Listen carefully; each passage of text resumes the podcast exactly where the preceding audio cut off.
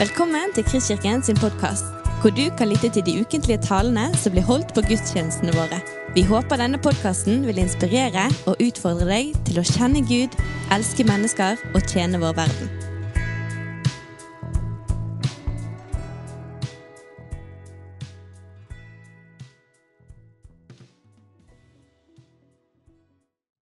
Vi begynner da en, eh, en ny taleserie. Eh, vi har sagt noen ganger når vi løper gudstjenesten er advent, så det har du sikkert fått med deg. Eh, men iallfall de siste årene, eller så lenge jeg har vært med og, og fått satt noe preg på hva som skjer i Kristikken, i fall, så har vi, har vi, brukt adventstiden til å ha en egen taleserie. Og det sømmer seg, for det er noe med advent som uh, taler mye til oss. Og det er jo også begynnelsen på kirkeåret. Selv om vi kanskje ikke alltid er like opptatt av det, så har det jo veldig mye verdi med seg. Og det forteller oss noe hvor vi på en måte er i tiden, uh, og i bibelhistorien, og historien om Jesus. Og i år så er det håp som står i sentrum.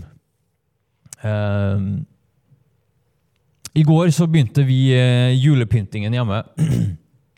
Eh, Ragnhild tok ned sånne kasser fra loftet, og, og det var jo, det var herlig å oppleve. For det er en sånn eksplosjon av glede blant mine tre små. Jeg var ikke like happy, for uh, jeg satt og drakk kaffe og hadde mest lyst til å sitte i stolen. Men det var jo opp med kastene og kaste ut julepynten, og Josef fløy jo veggimellom. sant? Og flanellfigurer og papirfigurer og, og så videre. Men det var ut, utrolig, utrolig gøy.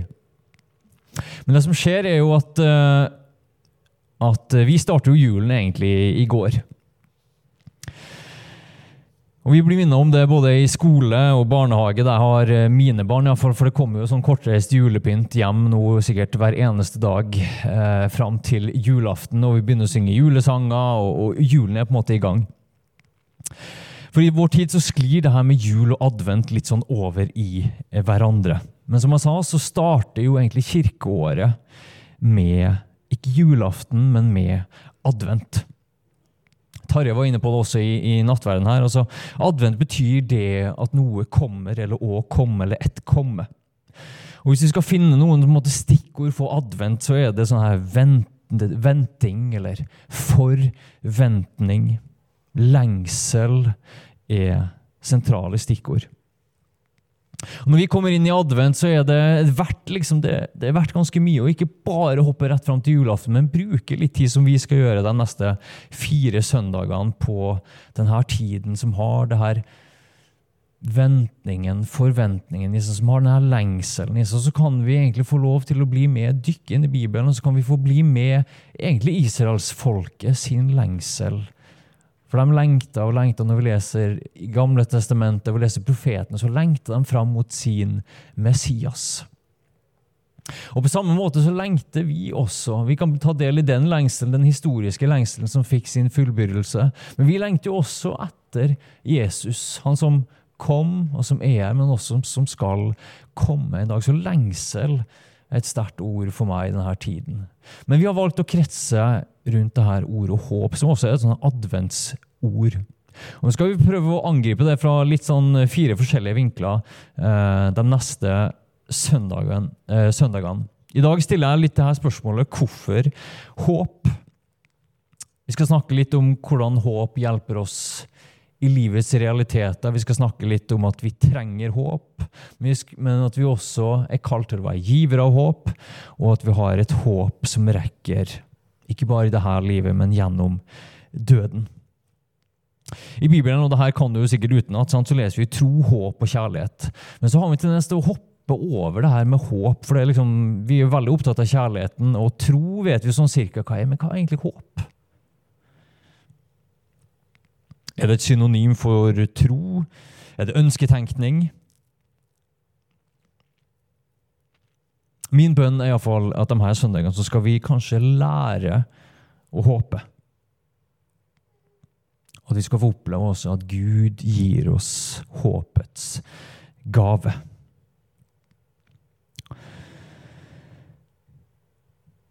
Så håp det er et flyktig begrep. Da jeg var liten, så håpa jeg på radiostyrt bil under, jule, under, juletreet. og når jeg ble litt større, så håpa jeg at jeg skulle spille på Manchester United. Og nå så er noen kanskje som håper at Brann ikke rykker ned. Sant? Så det her håpordet det kommer igjen og igjen, men vi bruker det veldig flykt, på en veldig flyktig måte. Eller det kan være veldig store ting. Vi håper på et liv etter døden. Vi håper å ikke bli syk av den nye virusvarianten omikron. Vi håper at våre barn skal få et godt liv. Ifølge Store norske leksikon så er håp en positiv og optimistisk forventning om at noe ønsket skal skje. Det er en fin sånn ordboksdefinisjon, men sagt på en annen måte så handler det om en forventning om framtiden. At framtiden på en eller annen måte skal bli bedre. Men hva som er en bedre framtid, vil jo variere alt etter hvem vi er og hvilken nåtid vi har. Derfor vil jo håpet naturligvis være ulikt for oss som sitter her i benkeradene. Og det vil forandre seg etter omstendigheter. Jeg husker fortsatt i militæret, så, så en gang så tok jeg meg sjøl i plutselig håpe at jeg skulle knekke foten. Og det har jeg aldri håpet på før. Jeg ble litt sånn overraska, men, men, det som utløste det håpet, var jo at jeg var så drittlei av å gå med denne tunge sekken, og det gjorde så vondt at det føltes ut som et håp for meg å kunne få komme på en sykebåre, komme på sykestua. Eh, jeg gjorde jo ikke noe med det, men, men jeg ble litt overraska av min egen evne til å håpe. Men når livet går godt, så er vi kanskje ikke så opptatt av håp. Da blir det kanskje litt sånn redusert til mer av det gode. At ja, jeg håper jeg får lønnsøkning, eller Håper jeg går litt ned i vekt, eller noe sånt. Um, men når livet er vanskelig, så trenger vi noen lyspunkt for å holde fast i ting. Vi håper kanskje at medisinen skal virke, eller vi håper, da, håper, at banken gir avdragsfrihet i noen måneder til, eller vi håper at vi greier å stå imot avhengigheten neste gang den melder seg. Så jeg tror vi kan si at det er ganske menneskelig å håpe, og at alle trenger håp. Jeg var eh, litt, litt, mindre, så jeg veldig glad i å se på dokumentarer på, på Discovery Channel. og Da gikk det en sånn serie om, som handla liksom om sånn ekstrem overlevelse. Der, uh, det, var, det, var, en fortelling som gjorde en del inntrykk på meg. En, uh, under den første Gulfkrigen så var det en britisk spesialsoldat som, som var på oppdrag såkalt bak fiendens linje. og så husker jeg ikke hva som skjedde, men han kom, kom iallfall vekk fra enheten sin på en sånn måte at han var um, et sted. Han, han var bak fiendens linje, han visste ikke hvor han var. Enheten var vekke, han var alene. Håpløs situasjon på mange måter. Og så hadde selvfølgelig han ekstrem trening videre, som gjør at kanskje han ikke han hadde noe å falle tilbake på. Men poenget er at han starta på reisen hjem. Men imellom der han befant seg, og det som han tenkte var trygghet, da, til sin egen base. Der var det både en ørken og fiendtlige styrker imellom. En lang historie kort så kom han seg gjennom både ørkenen uten mat og drikke. Han kom seg forbi masse fiendtlige styrker. Men det som gjorde inntrykk på meg, var det som holdt han her gående. Og det var tanken på å få se dattera si på fire år igjen. Jeg husker vel hvorfor Han fortalte i intervjuet etterpå om hvordan han til og med hallusinerte og så henne for seg. Men det var, det var det, eneste som han klamra seg fast til, eh, og som gjorde at han holdt ut ting som mange av oss kanskje ville ha gitt opp. Så håp er utrolig kraftig, og vi trenger alle håp. En annen historie som gjorde også inntrykk på meg, som jeg, som jeg leste, var en amerikansk eh, dollarmillionær kalt Yijun ja. Land. Vi får øve på den eh, senere. Poenget er at han, på, han, skulle besøke en barneskole i Harlem i New York. En belasta bydel. Eh, sjette klasse, hvis du husker riktig. Og Han satt og skrev manus, og så kom han liksom ikke helt fram til hvor, hva var han skulle si til denne, denne sjetteklassingen, som statistisk sett eh, det var jo en gjeng med mye fargede elever, mange med mellomamerikansk eh, avstamning. Statistisk sett veldig liten del av dem som kommer til å fullføre skolen. Hva skulle han si som hjalp dem videre? Og Så endte han opp med jeg vet hva, jeg skal bare snakke fra hjertet, og så sa han det her jeg sa kanskje mer om, men det var for det her som sto, at uh, jeg skal betale college for hver enkelt av dere hvis dere greier å komme dere gjennom på en måte grunnskolen. og Det er ikke sånn i det amerikanske systemet. Og Der og da så forvandla han livet til de her unge menneskene. Han ga dem håp. Og En gutt forteller, som var i denne klassen, forteller etterpå at, uh, at der og da så fikk jeg noe å holde fast i. Der og da så fikk jeg noe å se fram til som jeg ikke hadde hatt før. 90% av den klassen besto grunnskolen. Jeg vet ikke hva den opprinnelige, uh, eller den generelle statistikken ville vært, men den ville vært mye lavere, vil jeg tro.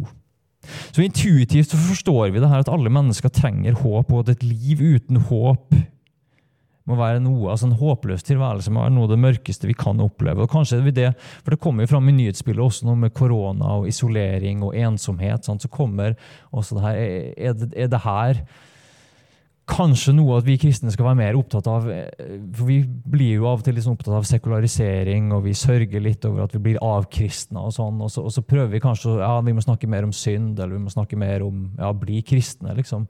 Ok, Hvis ikke det fungerer, ok, men, men vet du hva, håpløshet og meningsløshet, eller det som på fint kalles nihilisme, det vil jeg si er et samfunnstrekk. det. Og der har vi kristne noen svar. Men om det var en annen preken. Men det at vi merker at vi trenger håp, det er også en påminnelse om at noe er galt. At noe er ikke sånn som det skal være. For smerte og lidelse er virkelig. Virkelig. I tilfelle du ikke var klar over det.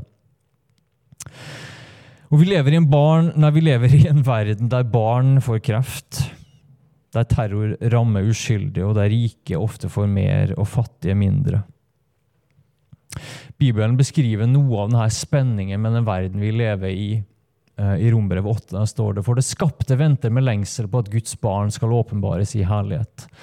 Det skapte ble underlagt forgjengeligheten, ikke frivillig, men fordi han ville det slik. Likevel var det håp for også det skapte skal bli frigjort fra slaveriet under forgjengeligheten og få den friheten som Guds barn skal eie i herligheten. Og hør, vi vet at helt til denne dagen sukker og stønner alt det skapte samstemt som i fødselsrier. Så selv skaperverket, sier Bibelen, sukker og lengter etter en dag da ting skal bli bedre. For ting er ikke sånn som den skal være.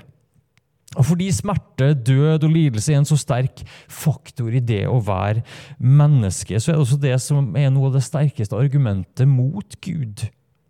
Eller mer kjent som det ondes problem. I alle fall mot en Gud som vi sier er både god og allmektig. Og det her spørsmålet hvor var du, Gud? Må jo være noe av det dypeste og såreste spørsmålet som har fulgt menneskeheten fra tidenes morgen. Hvor var du, Gud? Og Vi sitter kanskje også vi med enkelte historier i våre egne liv eller i våre familier, eller vi har hørt om. Hvor var du, Gud, når det og det skjedde? Hvis du opplever det, så er du heller ikke alene. Salmisten uttrykker noe av det samme. Vi leser det i, i Salme 13. Hør etter. Hvor lenge, Herre, vil du glemme meg for alltid? Hvor lenge vil du skjule ansiktet for meg? Hvor lenge skal jeg ha uro i sjelen og sorg i hjertet hele dagen? Hvor lenge skal fienden ha makt over meg? Se meg, svar meg, Herre min Gud. Gi mine øyne lys så jeg ikke sovner inn i døden så min fiende ikke kan si 'jeg har vunnet over ham', og mine motstandere ikke jubler når jeg vakler. Det er liksom ikke den lovsangen vi, vi har liksom først på spillelisten når vi skal sette på hjemme eller når vi kommer til kirka. Uh, men det er egentlig utrolig viktig, og, og salmen er jo egentlig full av denne kontrasten av å beskrive ærligheten, men samtidig løfte blikket til Gud.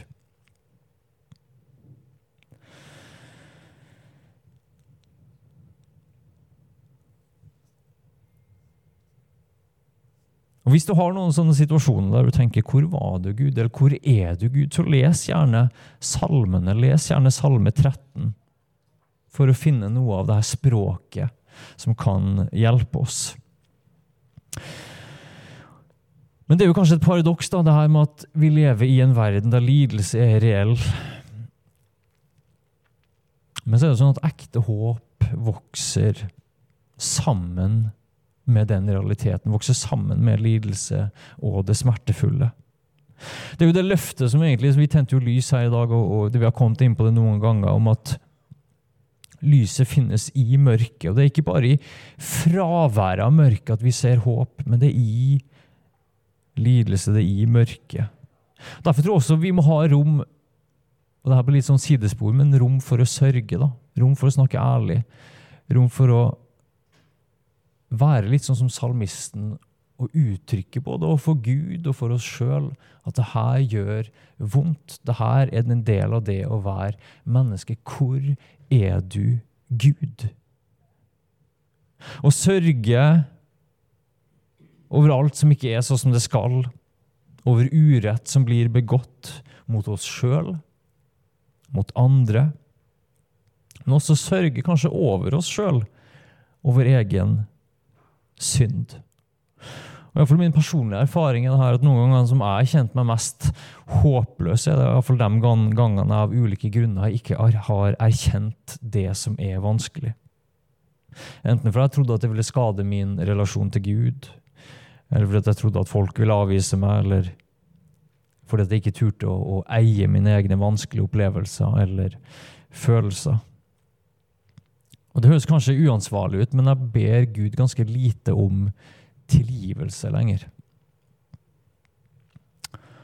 Men det jeg imidlertid merker at jeg gjør mer, er faktisk at jeg sørger. Uh, over min egen synd, over min egen tilkortkommenhet, over mitt eget mørke.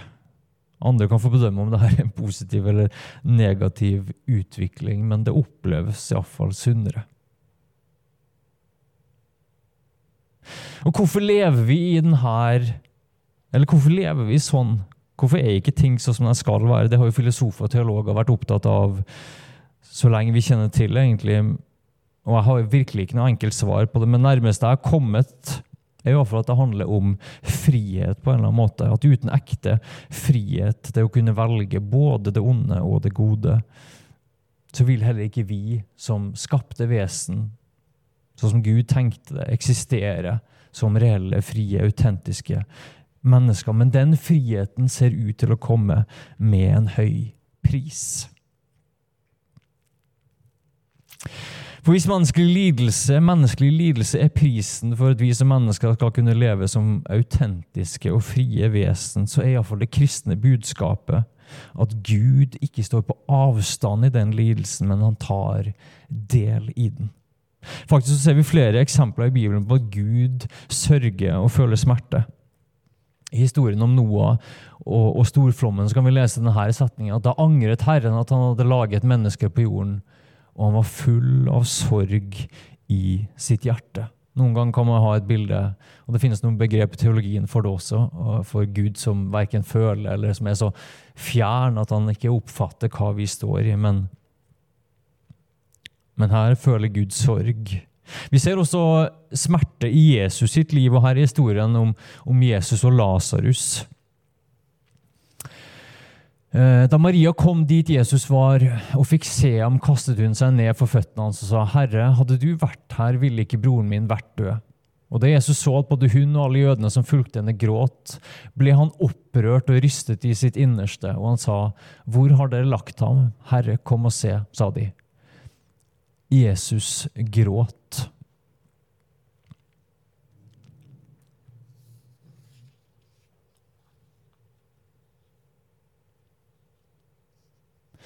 Derfor er jo det her adventsbudskapet at Jesus ble født inn i vår verden, at Jesus levde. Det er jo budskapet om, at, budskapet om at Gud tar del i vår menneskelige erfaring. Det materielle, tid og rom, og ikke minst lidelse. Og at lidelse og det her er kanskje vanskelig å få hodet rundt, det syns jeg også, men at lidelse er en erfaring også for Gud. Det er jo selvfølgelig klarest uttrykt i inkarnasjonen, at Gud ble menneske.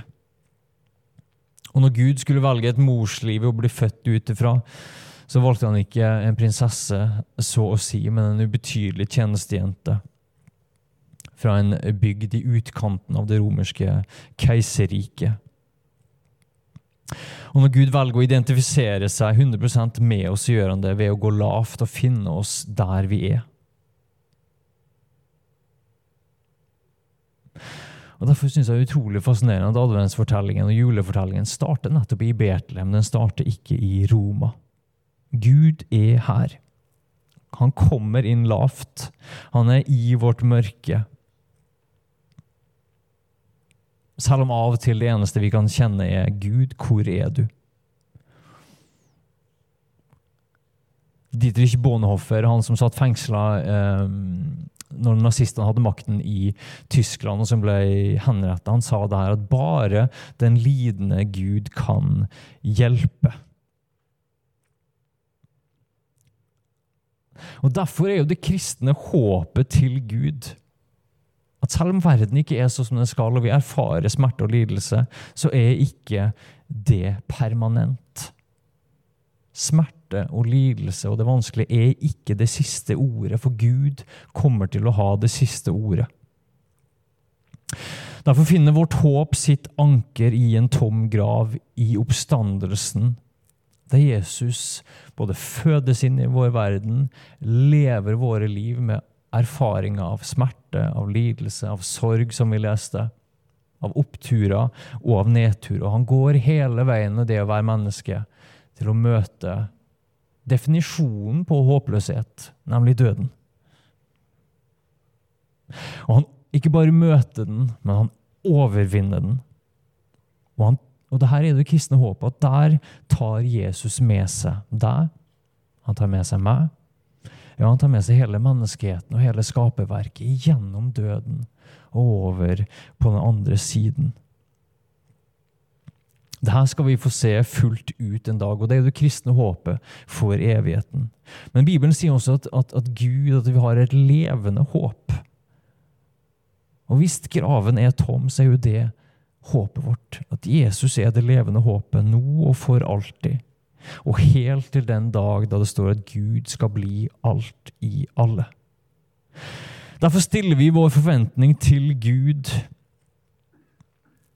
Og håp til Gud vil derfor si at en tillit til at han skal gjøre det han har sagt.